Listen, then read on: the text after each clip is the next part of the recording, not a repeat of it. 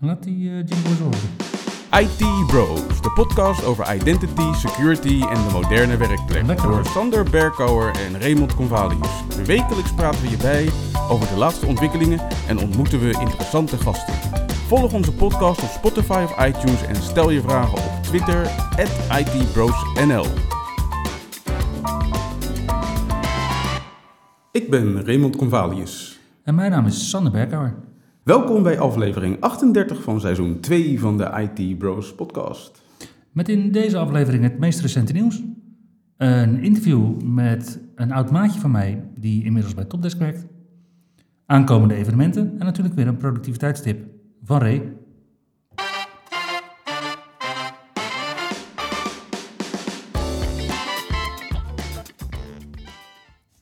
Ja, de grap was eigenlijk dat je het eerste deel van het nieuws altijd kon overslaan als je geen Windows 11 nieuws wilde horen. Maar ja, volgens mij kan je dan nu deze week het hele stuk overslaan. Bijna wel, ja. Het was eh, deze week de week van 20 september. En 20 september was het tijd voor de release van de Windows 11 2022 update. Zoals marketing hem dan uiteindelijk genoemd heeft. En zaten we er toch dichtbij. We hebben het een tijd lang over Windows 11 22H2 gehad. Toen hebben we het inderdaad over Windows 11 version 2022 gehad. En nu blijkt dus dat het inderdaad de 2022 update is geworden. Yes, en dat betekent dat versie 22.621.521 uiteindelijk de versie is geworden die naar het publiek is uitgebracht. En deze versie krijgt eh, 24 maanden support wanneer je gebruik maakt van Home of Pro Edition en 36 maanden wanneer je gebruik maakt van de Enterprise of Education Edition van Windows 11. En dan praten we over welke datum precies? Eh, de einddatum is gepland op 14 oktober van ofwel 2024 voor de Home en Pro Editions en 2025 voor de Education en Enterprise Editions. Alright. En wat is er eh, dan uiteindelijk allemaal in die 22.621 versie gekomen? Want we hebben het de afgelopen weken natuurlijk telkens gehad over die 621, 622, 621, 622. Nou, nu blijkt dat het dus de 621 versie is. En wat zit er allemaal, wat zit er allemaal in, Ray? Wat voor goodies kunnen we verwachten? Nou ja, eh, één daarvan is een van onze productiviteitstips geweest van een paar weken terug, namelijk System-Wide Live Captions.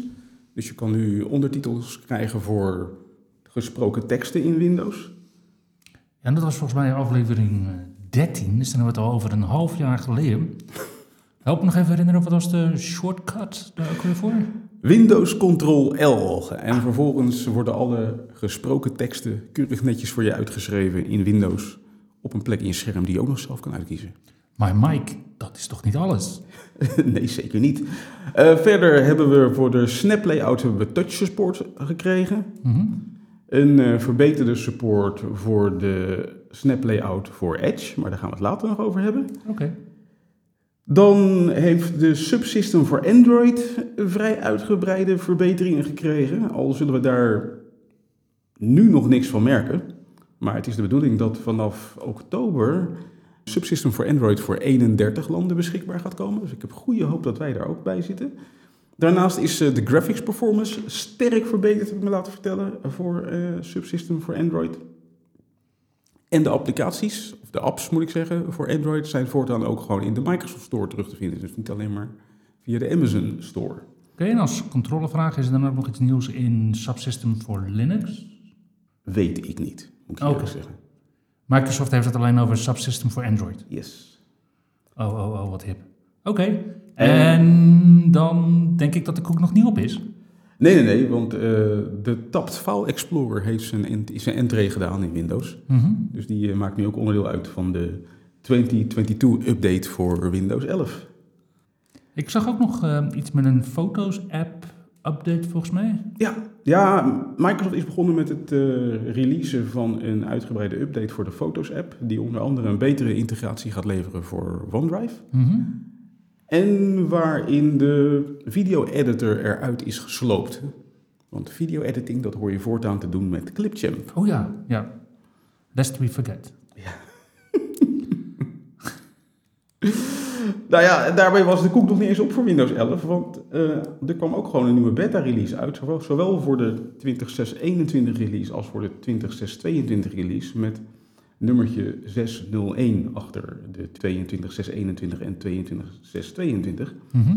Die beta release bevat trouwens geen nieuwe features. Wel een aantal bugfixes, onder andere een fix voor een lelijke error die er vorige week in zat. Waarbij als je het netwerk-icon ging gebruiken op de lockscreen, dat het lockscreen crashte. Ja, jij noemt hem lelijk. Ik vond hem eh, eigenlijk wel een aantal keer handig deze week. nee, sorry, ik eh, kan niet verder werken aan dit document. Ja, en een andere bugfix vind ik al een beetje, ja, een beetje cynisch bijna. In Chili zat er een wintertijdfout in eh, Windows 11. Namelijk, ze hadden daar de wintertijd ingangsdatum gewijzigd van 4 september naar 11 september. En in de release van 21 september hebben ze hem gefixt. Ja, je, zag, je zag dat in het verleden ook wel eens. ja, het blijft lastig. Ja, We zouden dat eigenlijk moeten standaardiseren, denk ik, wereldwijd. Maar ja, laten we eerst maar eens overeenstemming krijgen over wat andere grote Ja, zaken doen. en, de laatste bugfix, die, die- ja, ik, ik vraag me nog steeds af wie hem ontdekt heeft dat die bug erin zat. Maar blijkbaar zat er een bug in Dual SIM Calling in Windows 11. En die hebben ze gefixt. Voor als jij je Surface laptop aan je oor gebruikt. Bijvoorbeeld, ja, inderdaad. Nou, Oké. En dan was er ook nog een nieuwe release in de dev channel, namelijk build nummer 25602. Mhm. En die is zowel voor de client als voor de server uitgekomen. Dus dat is eigenlijk Windows vNext, zoals wij hem noemen. Ja, en Windows Server vNext. Ja, en Windows Server vNext. En daar hebben ze onder andere de SMB Authentication Rate Limiter in aangezet. En ik kan me voorstellen dat je dan zegt van, huh, wat is dat? Hey Ray, Mhm. hmm, wat is dat? Nou, als je niks doet, dan kan je bij wijze van spreken 300 login pogingen doen met NTLM op een fileshare op een eh, willekeurige machine. Op een beetje een redelijke machine, ja. Nou, dat betekent dus dat je een redelijk succesvolle password spray attack doet eigenlijk. En eh, om dat te voorkomen hebben ze nu een 2 seconden delay ingevoerd tussen iedere inlogpoging met NTLM. Oké. Nou, dan kom je dus toch maar tot een heel beperkt aantal inlogpogingen per uur. Waardoor het gewoon een stuk lastiger wordt om zo'n aanval in te zetten op een willekeurige werkplek. Ja. Al moet ik erbij zeggen dat je normaal gesproken SMB wel dichtzet op een werkplek om van buitenaf toegankelijk zijn. te zijn. En we ook inderdaad steeds meer NTLM overal dichtzetten. Precies. Nou, in ieder geval die eh, SMB Authentication Rate Limiter die wordt nu default aangezet op de clients. Mhm. De servers nog niet. Kan je wel voor kiezen. En daarnaast zit er een, eh, ja, de updated eh, Open dialog zit in deze versie van Windows. En als je gebruik maakt van een externe monitor die beschikt over Dynamic Refresh Rate, Hip hoor. dan zit daar nu ook support voor in Windows 11. Althans, Windows vNext moet ik zeggen. En als laatste, en dat is er misschien eentje die voor heel veel mensen toch wel als welkom wordt ervaren, althans in ieder geval door mij wel, is dat als je gebruik maakt van de clipboard history, dan heb je waarschijnlijk wel gemerkt dat de clipboard history het niet zo geweldig doet wanneer je password fields wil invullen. Nee. Nou, dat gaan ze fixen in deze versie van Windows 11. Oké. En doen ze dat gelijk voor iedereen? Eh, nee, helaas. Dus geleidelijk eh, gaat er password support komen voor de clipboard history feature. Microsoft gaat gewoon weer als vanouds weer A-B testen met deze feature. Inderdaad. Zucht. Nou, het volgende nieuws is misschien eigenlijk iets meer voor de evenementensectie, maar ik zal hem toch nu alvast noemen. Namelijk op 12 oktober om 4 uur 's middags onze tijd is er een hardware-event aangekondigd door Microsoft. Dat is eh, Mhm. tijdens de Ignite Week. Ja. Dan zitten wij in Seattle. Wie weet. In ieder geval, op dat event wordt verwacht dat Microsoft met de tiende verjaardag van de Surface-lijn een aantal eh, nieuwe apparaten gaat aankondigen. Waaronder waarschijnlijk een nieuwe Surface Pro, die dan waarschijnlijk de Surface Pro 9 gaat heten. Ja, of zoals ze hier in Duitsland zeggen, Service Pro 9. Ja, Dus ik Met- denk dat dat wel de Windows Pro 10 zou kunnen worden. wie weet. En die Surface Pro 9 of 10, geen idee hoe die gaat heten. Die gaat onder andere de ARM-processorlijn gewoon geïntegreerd krijgen. Dus waarschijnlijk is dat het einde van de Surface Pro X. Surface Pro 10, hoe heet dat ding? Goh, nu kom je toch ineens tot dezelfde conclusie als ik kwam. We'll see. En dan eh, wordt er ook een opvolger verwacht voor de Service Laptop, die momenteel de Service Laptop 4 is. En waarvan het gerucht gaat dat die ofwel de Service Laptop 4 Plus gaat heten, of Mhm. de Service Laptop 5. En in de update die er aankomt, wordt verwacht dat er geen nieuwe AMD-versie van de Service Laptop aan zit te komen. Dus alleen nog Intel. Inderdaad. Oké, en dan waarschijnlijk twaalfde generatie gelijk. Dat is wel de verwachting. Ja, daar hadden wij het van de week ook nog over. Dat is echt een snelle processor, zei jij. Zeker op de desktop. Van de laptops heb ik er nog niet zo heel veel van gezien, maar de desktop is het echt een hele fijne, hele snelle processor. Oké. En die hele snelle processor die wordt ook verwacht in de volgende generatie van de Surface Studio, namelijk de Surface Studio 3 desktop. Oké. Want ja, die Surface Studio 2 die werd nog geleverd met de zevende generatie Intel processoren. Dus die was al ja, maar redelijk sterk verouderd. Mhm.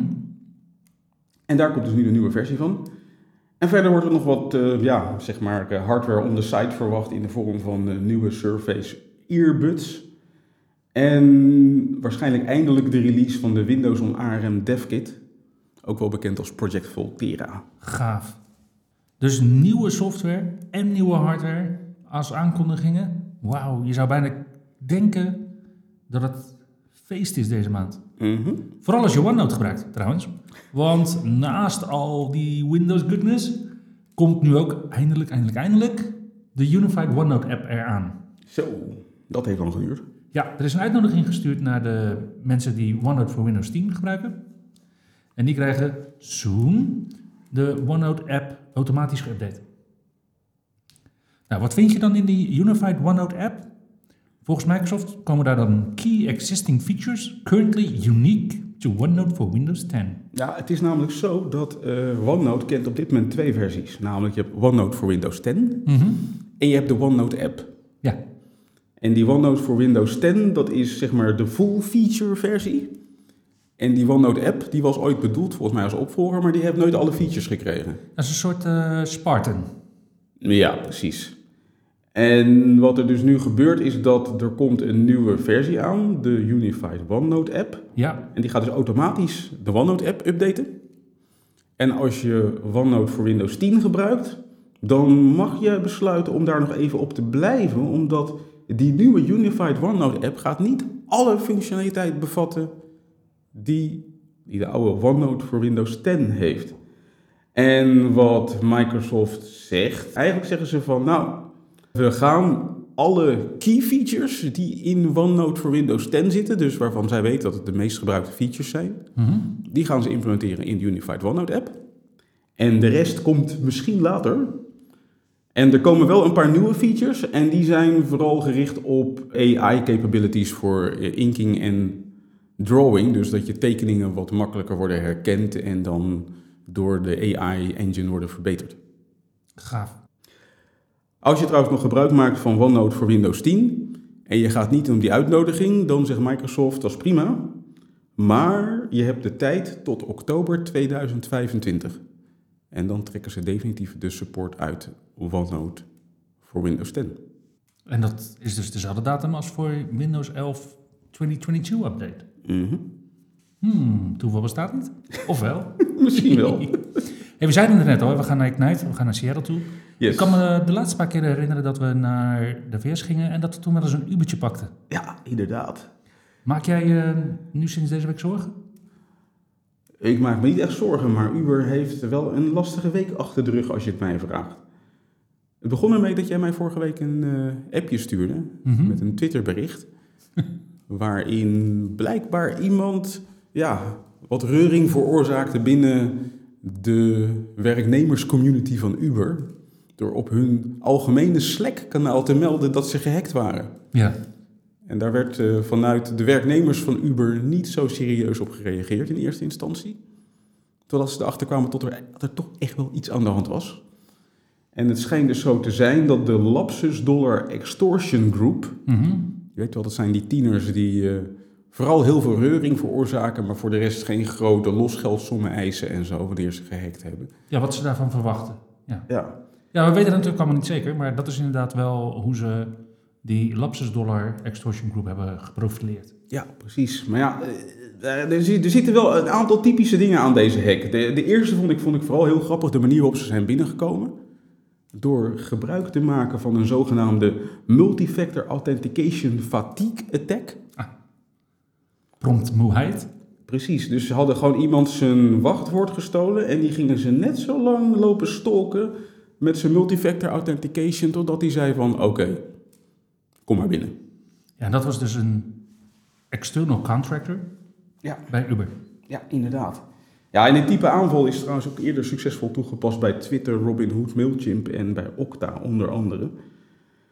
En toen ze eenmaal binnen waren bij Uber, toen bleken ze ook nog dat door te kunnen zetten, totdat ze elevated permissions hadden in de G Suite en in Slack dus onder andere, waardoor ze dus al die mensen konden bereiken via Slack. Ja, En volgens Uber is er geen bewijs dat ze ook de productiesystemen hebben kunnen benaderen of invloed hebben gehad op de code.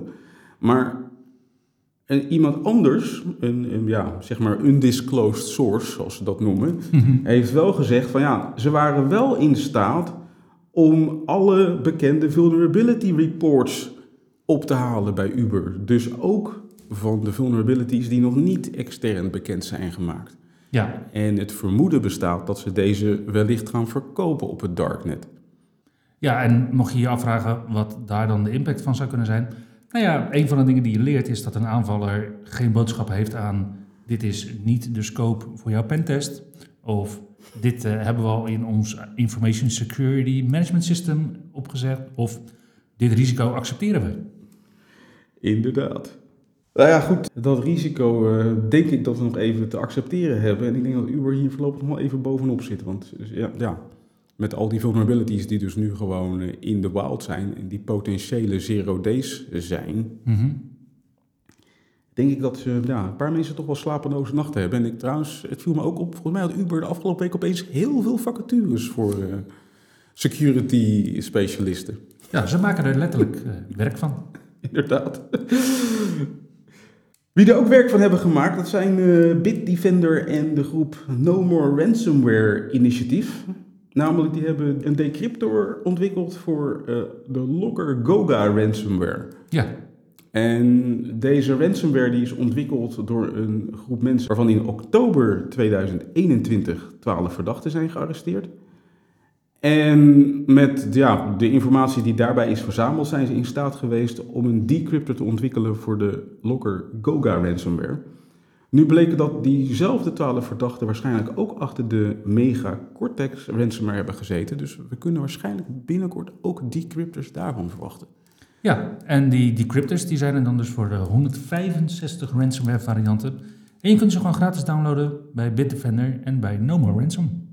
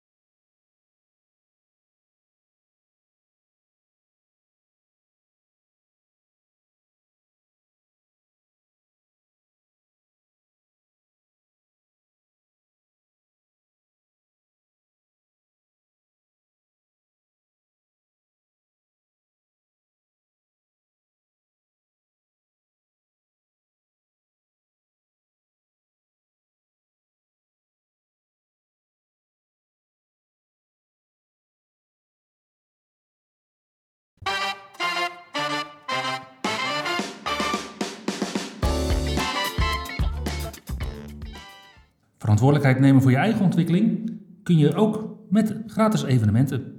Met deze week de E2E VC Virtualization Conference in Tel Aviv in Israël. Waarbij je door Alex Cooper en Tom Tevreden weer helemaal op weg wordt gebracht rondom virtualisatie. En dan hebben we het natuurlijk niet alleen over servervirtualisatie, maar ook over presentatievirtualisatie bijvoorbeeld. Waar de E2E VC Virtualization Conferences vroeger groot mee zijn geworden. En op 26 tot en met 28 september wordt in Mainz in Duitsland de European Cloud Summit georganiseerd. Waar de volgende vijf items ehm, ja, groot worden behandeld, namelijk sustainability, AI, machine learning, modernization, security en de metaverse. Ah, gelukkig staat security wel in het lesje. Yes. En de keynote wordt gehouden door Heather Cook Newman van Microsoft. Uiteraard vind je ook diverse Microsoft MVP's, waaronder Barbara Forbes, Eric Burke, Alex Mang, Bill Ayers, Bram de Jager, Danny de Klerk en zelfs Gregor Reinling kan de vraag verwachten: Aren't you that SharePoint guy? Inderdaad. Ja, en die vraag die kunnen we waarschijnlijk vrijdag 30 september ook verwachten, wanneer eh, ja, onder andere wij mogen verschijnen op Experts Live Mhm. in Den Bosch, in het eh, congrescentrum 1931, waar eh, de keynote wordt verzorgd door Mico Hipone en waar wij en vele van onze MVP-collega's, nationaal en internationaal, hun eh, bijdrage mogen verzorgen. Er zijn vele tracks naast elkaar waarin je kunt genieten van vele geweldige sessies. Van 12 tot 14 oktober wordt de Microsoft Ignite-conferentie gehouden. Wij zijn daarbij, Mhm. in Seattle. Mhm. We begrepen dat er eh, best nog wel wat collega's van ons daar aanwezig gaan zijn in Seattle. En we roepen deze collega's op om lid te worden van onze Signal groep, zodat we met elkaar de wetenswaardigheden kunnen uitwisselen, zodat we elkaar die week op de hoogte kunnen houden van waar we moeten zijn en wat we samen wellicht nog kunnen ondernemen. Ja, gaaf. We gaan eh, de uitnodigingslink voor deze Signal groep op onze website publiceren. Dus als je luistert naar deze podcast en je denkt, ik ben ook in Seattle, hou mij op de hoogte. Check onze website. En dat is natuurlijk op www.itbros.nl.